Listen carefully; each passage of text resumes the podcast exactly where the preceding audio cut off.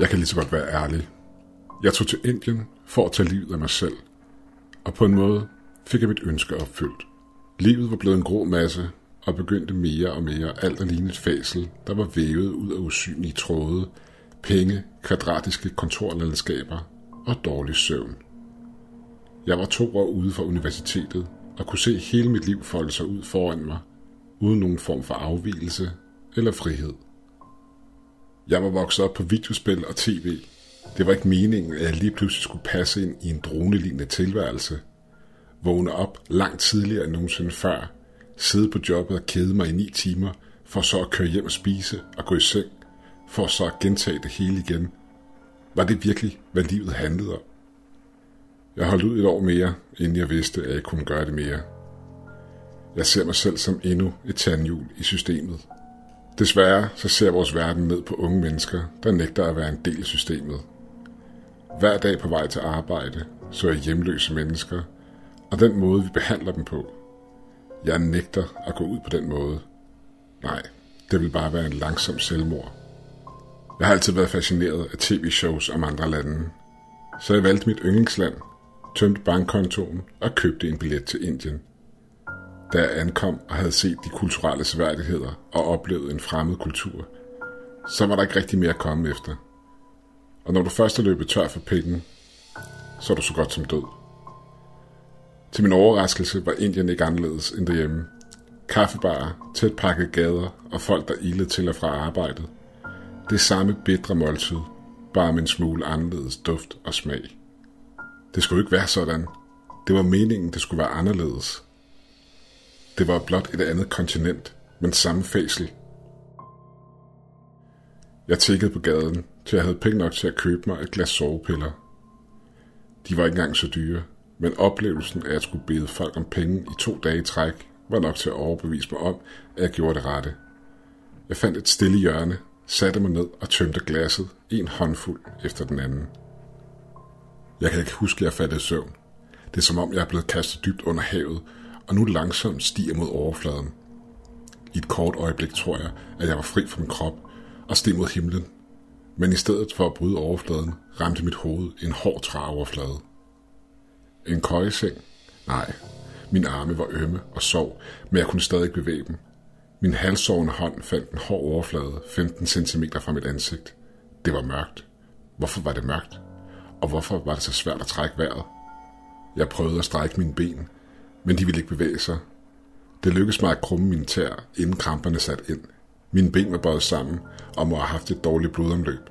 Jeg knyttede min hånd sammen om smertestedet og blev liggende sådan, indtil den endelige smerte gik over. Da smerten havde fortaget sig, prøvede jeg at strække mig ud igen, da det gik op for mig, at jeg lå i en lille trækasse. Men hvorfor og hvor? Jeg pressede imod kassens sider. Intet gav sig. Kassen var lavet af billigt træ, med næsten ingen styrke, så der måtte være noget på den anden side, der stod imod. Og det betød, åh oh, Gud. Flasken med sovepiller havde kun næsten slået mig ihjel. De må have troet, jeg var død, og så begravet mig levende. Jeg var heldig, at jeg overhovedet var blevet lagt i en kiste, især som pengeløs udlænding, og ikke bare smidt i et hul, for så havde jeg været død nu. Jeg begyndte at skrige og banke på kistens tynde låg i panik. Små klumper af jord faldt ned, men jeg fortsatte mit angreb på træet, indtil jorden begyndte at løbe ned som sand i et timeglas. Luften var tung og kvælende, men jeg havde ingen andre planer. Enten døde jeg her af luftmangel, eller også fandt jeg... Vent. Sollys. De havde ikke begravet mig så dybt. Jeg kunne ane sollys. Måske lå jeg et par centimeter under jorden, men nok til at jeg ikke kunne flytte kistens låg. Den friske luft sned sig ind gennem sprækken. Jeg skreg efter hjælp. Jeg ventede. Der var stille, og jeg kunne ikke høre nogen. Lyset udenfor begyndte langsomt at give plads til nattemørket, og natten gik. Den efterfølgende morgen begyndte det at regne, og en lille smule vand dryppede ned i kisten. Jeg drak så meget af det, som jeg kunne, og kistelåget begyndte at give sig, da jorden ovenpå øgede sin vægt, da regnen gennemvævede den tørre overflade. Jeg var ikke stærk nok til at slå mig vej op, men det kunne uden tvivl falde ned over mig og knuse mig. Hvordan kan jeg beskrive det der med at blive levende begravet? hver en historie eller film, jeg havde set, fokuseret på den rædsel, der forekommer, når det går op for personen, at de befinder sig i en kiste, glemt under jorden. Den følelse forsvinder hurtigt. Det er mere tiden bagefter, hvor man endeløst ligger og venter, tænker og gætter på, om det er nu, jeg skal råbe, eller om jeg skal vente. Samler jeg mine kræfter og prøver at bryde igennem nu, når jorden er tør, eller venter jeg til det har regnet? Bare det regner lidt, så jeg ikke dør tørst, men heller ikke for meget, så jeg drukner. Og altid er kisten til stede, som en forlængelse af ens krop.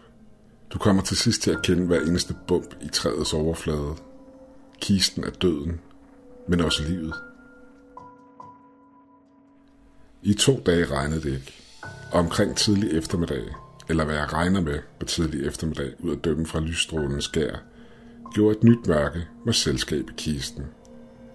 Først troede jeg, at en anden var gået over graven, så jeg råbte alt, hvad jeg kunne, men der var ingen. Et tordenvejr var ved at forme sig over himlen over mig. Jeg bad. Åh, oh, du kan tro, jeg bad. Jeg har aldrig været særlig religiøs, men den dag, der bad jeg, som jeg aldrig nogensinde havde gjort før. Jeg bad til, at det måtte være en let regnby, men det var det ikke. Der vandet stod et par centimeter omkring mig, vidste jeg, at det var tid til at gøre noget, ellers ville jeg dø. Jeg indtog en posering værdig af et slangemenneske. Mine fødder var plantet i vandet, knæene bredt ud, armene ind under og ryggen mod kistens loft. Jeg skubbede. Kistelåget skar sig ind i min ryg, men jeg skubbede af al min kraft, der var tilbage i mine ben. Låget gav sig, ikke meget, men måske nok til, at nogen ville lægge mærke til det på overfladen. Min krop smertede, og jeg visualiserede mig selv bryde igennem kisten og ud i den friske luft. Men kisten forrådte mig og faldt sammen over mig. Jord væltede ind, alt imens jeg prøvede at kæmpe imod. Og jeg kæmpede for at sætte min mund hen til den lille luftlomme, jeg havde fået lavet, så jeg ikke blev kvalt. Mit flugtforsøg fra kistens trange fæsel havde ikke sendt mig ud i friheden. Det eneste, jeg havde fået ud af det, var, at jeg nu lå klemt uden mulighed for at bevæge mig, imens våd jord langsomt gled over øjne og hals. Jeg var fuldstændig dækket i jord nu. På nem en mund, der havde adgang til en lille luftlomme. Og regnen var taget til. Jeg drak så meget vand, som jeg nu kunne, i et forsøg på at holde den fri for luft. Men regnen blev ubenhørlig ved, og lukkede til sidst hullet til med vand, så nu var jeg tvunget til at lukke min mund og holde vejret. Det var vel her, jeg tænkte, der var ikke flere forsøg. Ikke mere tid. Jeg var kommet til Indien for at tage livet af mig selv, og her lå jeg kæmpende, blot for et par sekunders mere liv, klamrende efter mere tid. Jeg var levende begravet med en voksende vandpøl, der varede ned over min lukkede mund. Tankerne fløj gennem mit hoved. Hvor lang tid kunne en olympisk svømmer måtte holde vejret? Var det tre minutter? Eller var det fire? Åh oh, Gud. Trykket på mit bryst. Jeg havde ikke engang fået et fuldt åndedrag. Jeg nærmede mig min grænse. Hvad skulle jeg bruge de sidste minutter på? Tænke på piger, jeg havde datet? Hvilke film jeg kunne lide? Det var alt sammen ingenting, og samtidig alt. Alle mundane ting i verden var nu en luksus, jeg aldrig mere ville få. Et tordenskrald bullerede over mit hoved. Det var så højt, at jeg selv i mit mudrede fæsel kunne høre det. Jeg vil ønske, at jeg kunne fortælle jer, at det sidste øjeblik gav jorden efter for regnen og spyttede mig ud i et jordskred af lig og mudder. Det var i hvert fald det, det lokale politi og læger prøvede at overbevise mig om, da jeg prøvede at fortælle dem om sandheden. Men for dem var jeg blot en udlænding, der var blevet traumatiseret af at blive levende begravet, så de hørte ikke efter. Men jeg blev ikke reddet af vejret i sidste sekund.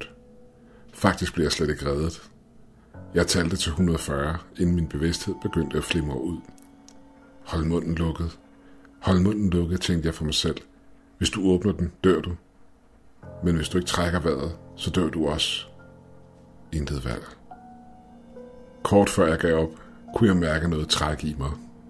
Ikke opfra, men nedefra. En kold følelse lagde sig omkring mig og begyndte at trække mig nedad. Jeg kan huske, at vandet væltede ud af hullet, da det væltede ned fra loftet, hvor det havde samlet sig tidligere. Jeg blev trukket gennem jorden i en hæsblæsende fart. Hold munden lukket. Hold munden lukket.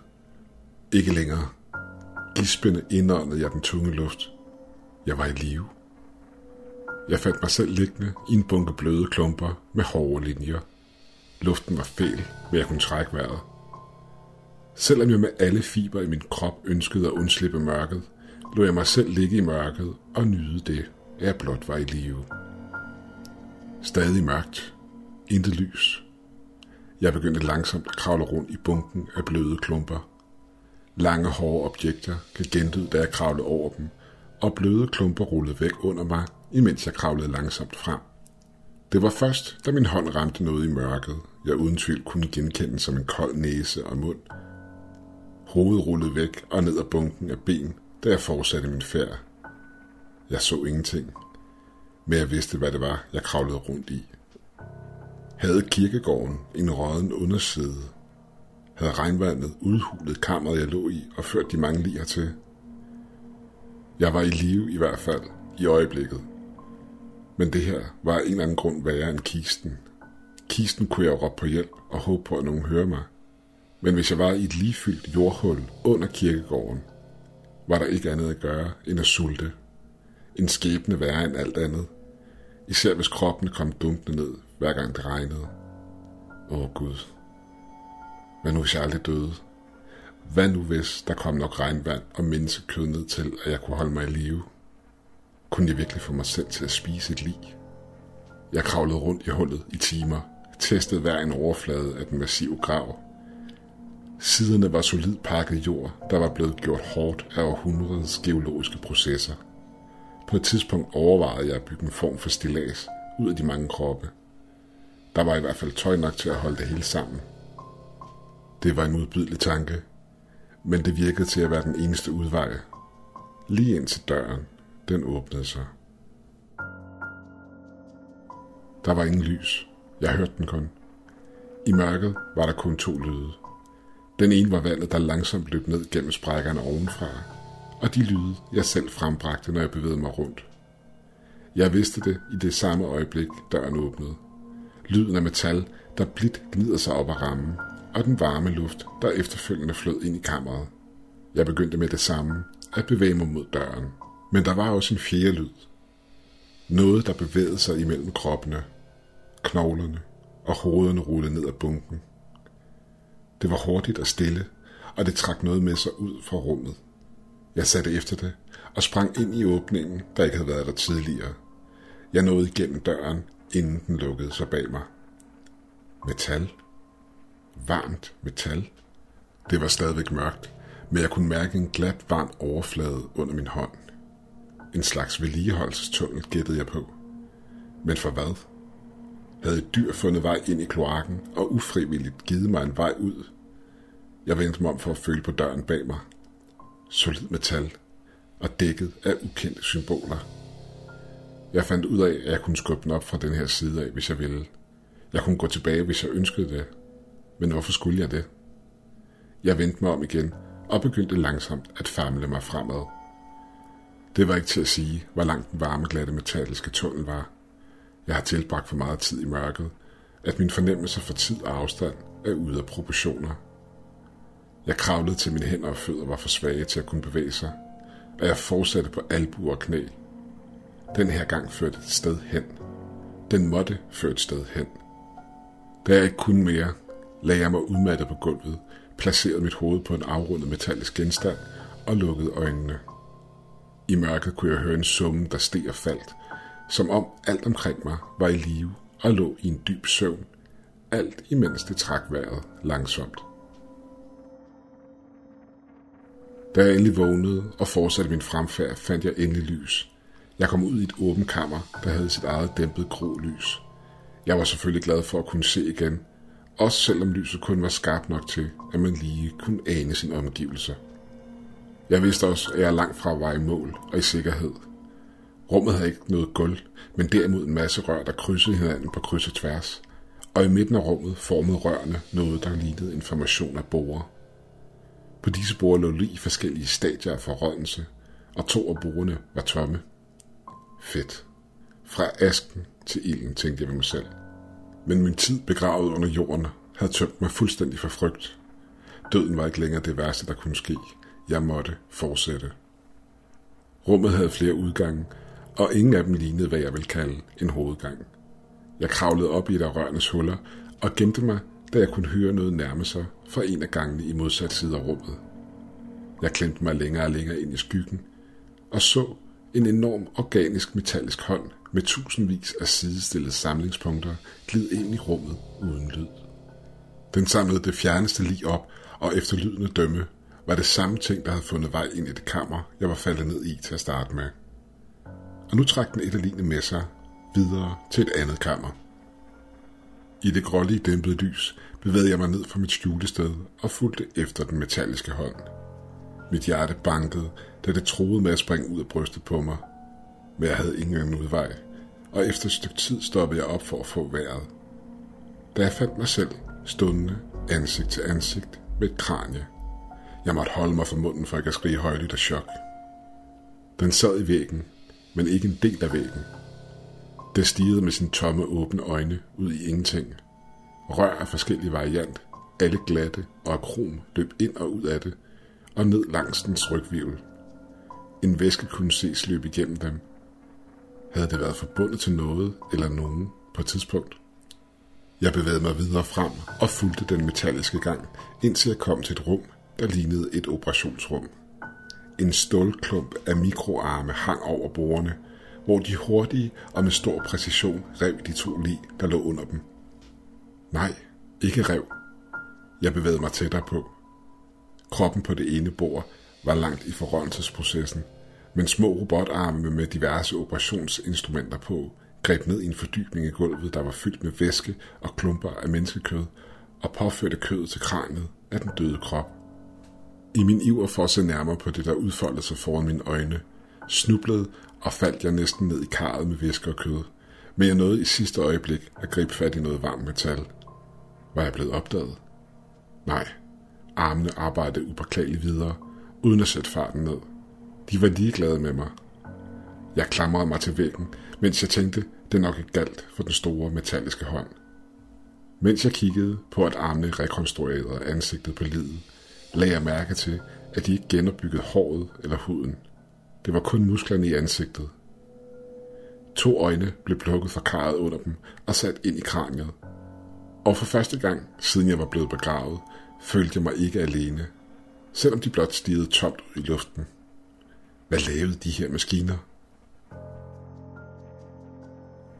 Armene begyndte at fylde den indre del af kraniet og bevægede sig hurtigt ned langs bordet, hvor de hurtigt fik sammensat starten af et nervesystem.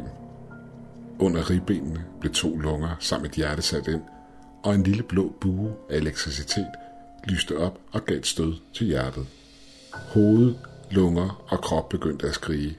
Høje ekoer af frygt fyldte gangene. Jeg frøs fast et kort øjeblik, inden jeg sprang frem, og væsenet sagde, hold mund, det hører der bare. Det muskelindbundne kranie kunne ikke bevæge sig, men øjnene, der sad dybt i øjenhulerne, kunne. Langsomt fokuserede de på mig. Luftrøret bevægede sig synligt i dens halsregion. Lungerne sank sammen, og i en kraftanstrengelse sagde den noget til mig på hindi. Jeg tog min pegefinger til mine læber. Shh. Kroppen sagde en sætning mere på hindi, inden den lukkede kæben i, i et forsøg på at signalere til mig, at den nok skulle være stille. Var det en mand eller en kvinde? Hvad havde den sagt? Den fulgte mig med øjnene, imens jeg langsomt kravlede over mod det tilstødende rum. Det samme skete der, men processen var ikke så langt fremme som her. Maskiner hæv knogler og benfragmenter op af et kar under dem, imens de var ved at opbygge rygvivlen under et kranje. Jeg måtte sidde og vugget frem og tilbage for mig selv i over et minut. Hvad fanden var det her? Jeg måtte være ved at blive sindssyg. Var jeg stadig i kisten? Nej. Lige meget hvor jeg kiggede hen, kunne maskiner arbejde på lige, påføre muskelvæv, nerver og andet til de døde. Indtil nu ignorerede armene mig, men det ville være for farligt at bryde ind i deres arbejde. Jeg krøb over og viskede til personen på bordet. Jeg kommer tilbage efter dig. Jeg ventede på en reaktion og lyttede så til en tredje sætning på hindi, inden jeg begav mig videre. Jeg gentog de udlandske sætninger i mit hoved, i håb om at huske dem og oversætte dem, når jeg slap ud af fra. Hvis jeg da nogensinde slap ud herfra. fra. Hvem ved, hvilke redsler den her afdøde person havde været vidne til? Gangen fortsatte videre ud i mørket, og førte mig igennem en katedrallignende rum, hvor pøle af sort vand havde samlet sig på gulvet. Lyset her var stadig gråt og dæmpet, men langsomt skiftede det over til noget mere blåligt. På intet tidspunkt mødte jeg nogen form for skildring, der fortalte om, hvor jeg var. Intet ved det her sted var menneskeligt. Jeg var ikke engang sikker på, om det her det var bunden af komplekset, eller om det var toppen. Alle gange lignede hinanden, og der var intet at orientere sig efter. Som om stedet havde fået lov til at vokse vildt og ukontrolleret. Vokse. Ja, det vist det rette ord. Metallet var varmt og levende, og der var ingen synlige bolde eller skruer at se. Måske havde der været et hulesystem før, inden det her uforklarlige fænomen havde overtaget stedet og brugte den naturlige udformning af hulen til at forme sin massive krop. Verden var en farse, og det her sted det brød med alt, hvad jeg kendte til. Jeg fortsatte opad, altid opad, dybere ind i det blålige lys. På toppen var det mest dybblå lys, skarp og dæmpet på samme tid. I det ovale rum stod en masse mørke maskiner, og et ansigt sad i enden af væggen. Det var et ansigt af en kvinde. Hendes øjne var lukket. Tuber og ledninger var forbundet til hendes hoved, på samme måde som kranen, jeg var stødt på tidligere. Jeg begyndte langsomt at forstå naturen bag det her sted. Ældring, vækst og forandring. Noget jeg ikke kunne forklare i ord.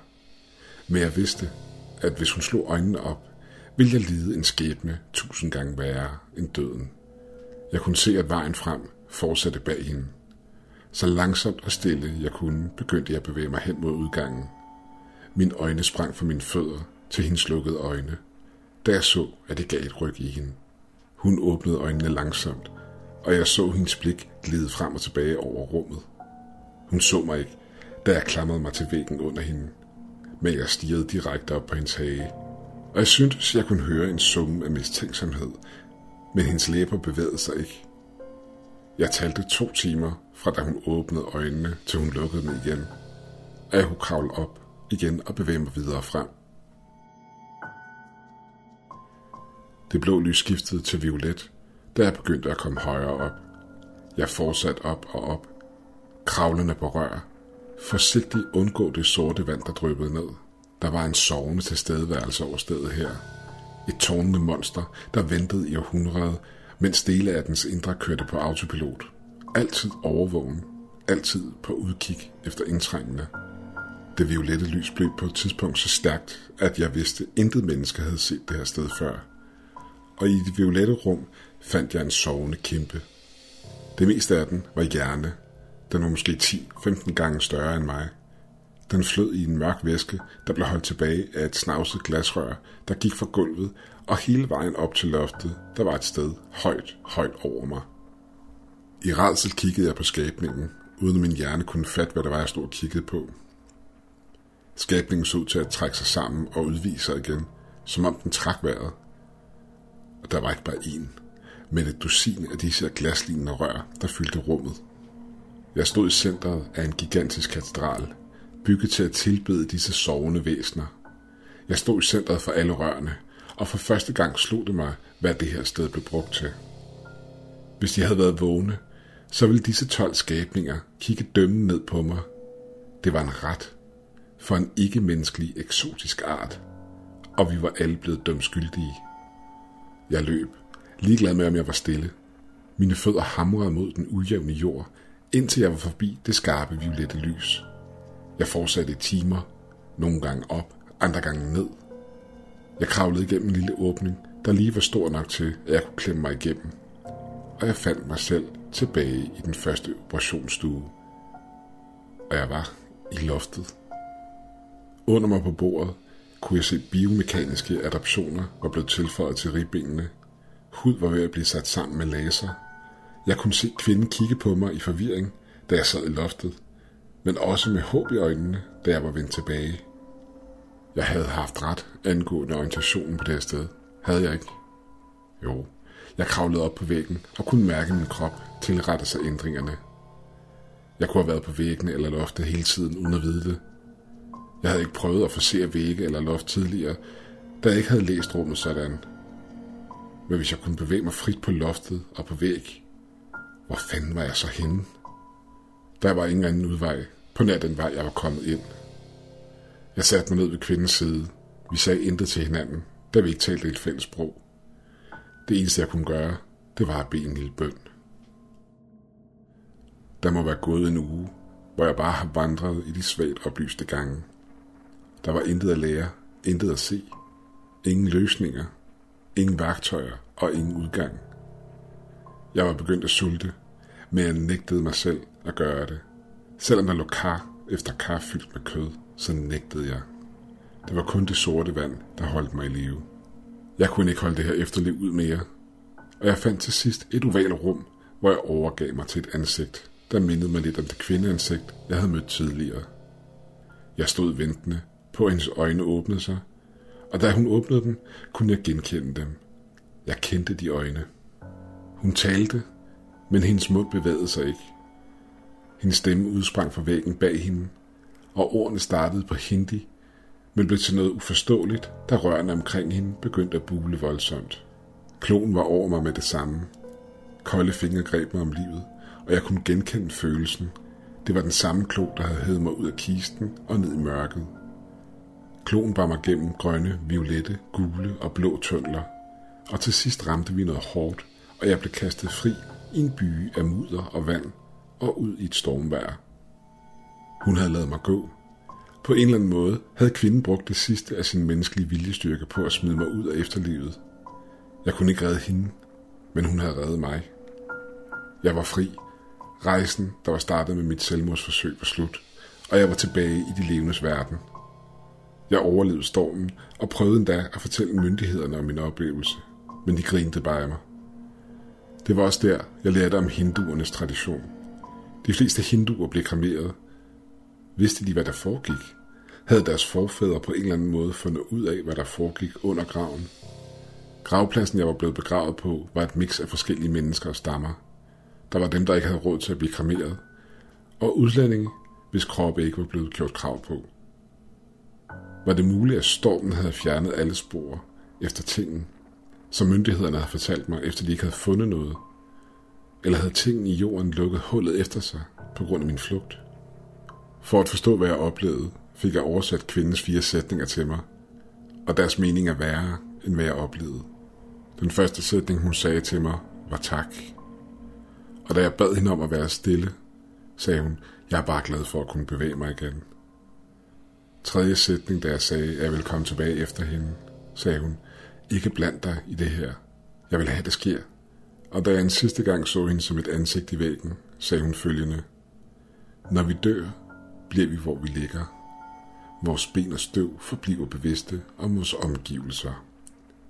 Dette sted prøver at hjælpe os. De prøver, men de forstår os ikke. Vi kender dem. De er engle. Jeg sidder tilbage med en redsel om hendes sidste ord. Når vi dør, bliver vi, hvor vi ligger. Vores ben og støv forbliver bevidste om vores omgivelser. Jeg ved nu, at selvmord ikke er svaret. Vi må overleve, så længe vi kan. Døden er blot en start på en lang smertefuld rejse, der aldrig ender. Og jeg troede det, at være fanget i en kiste i et par dage ville være slemt. Men nu ved jeg, døden er værre. Døden er at blive begravet med intet andet end dine tanker for evigt.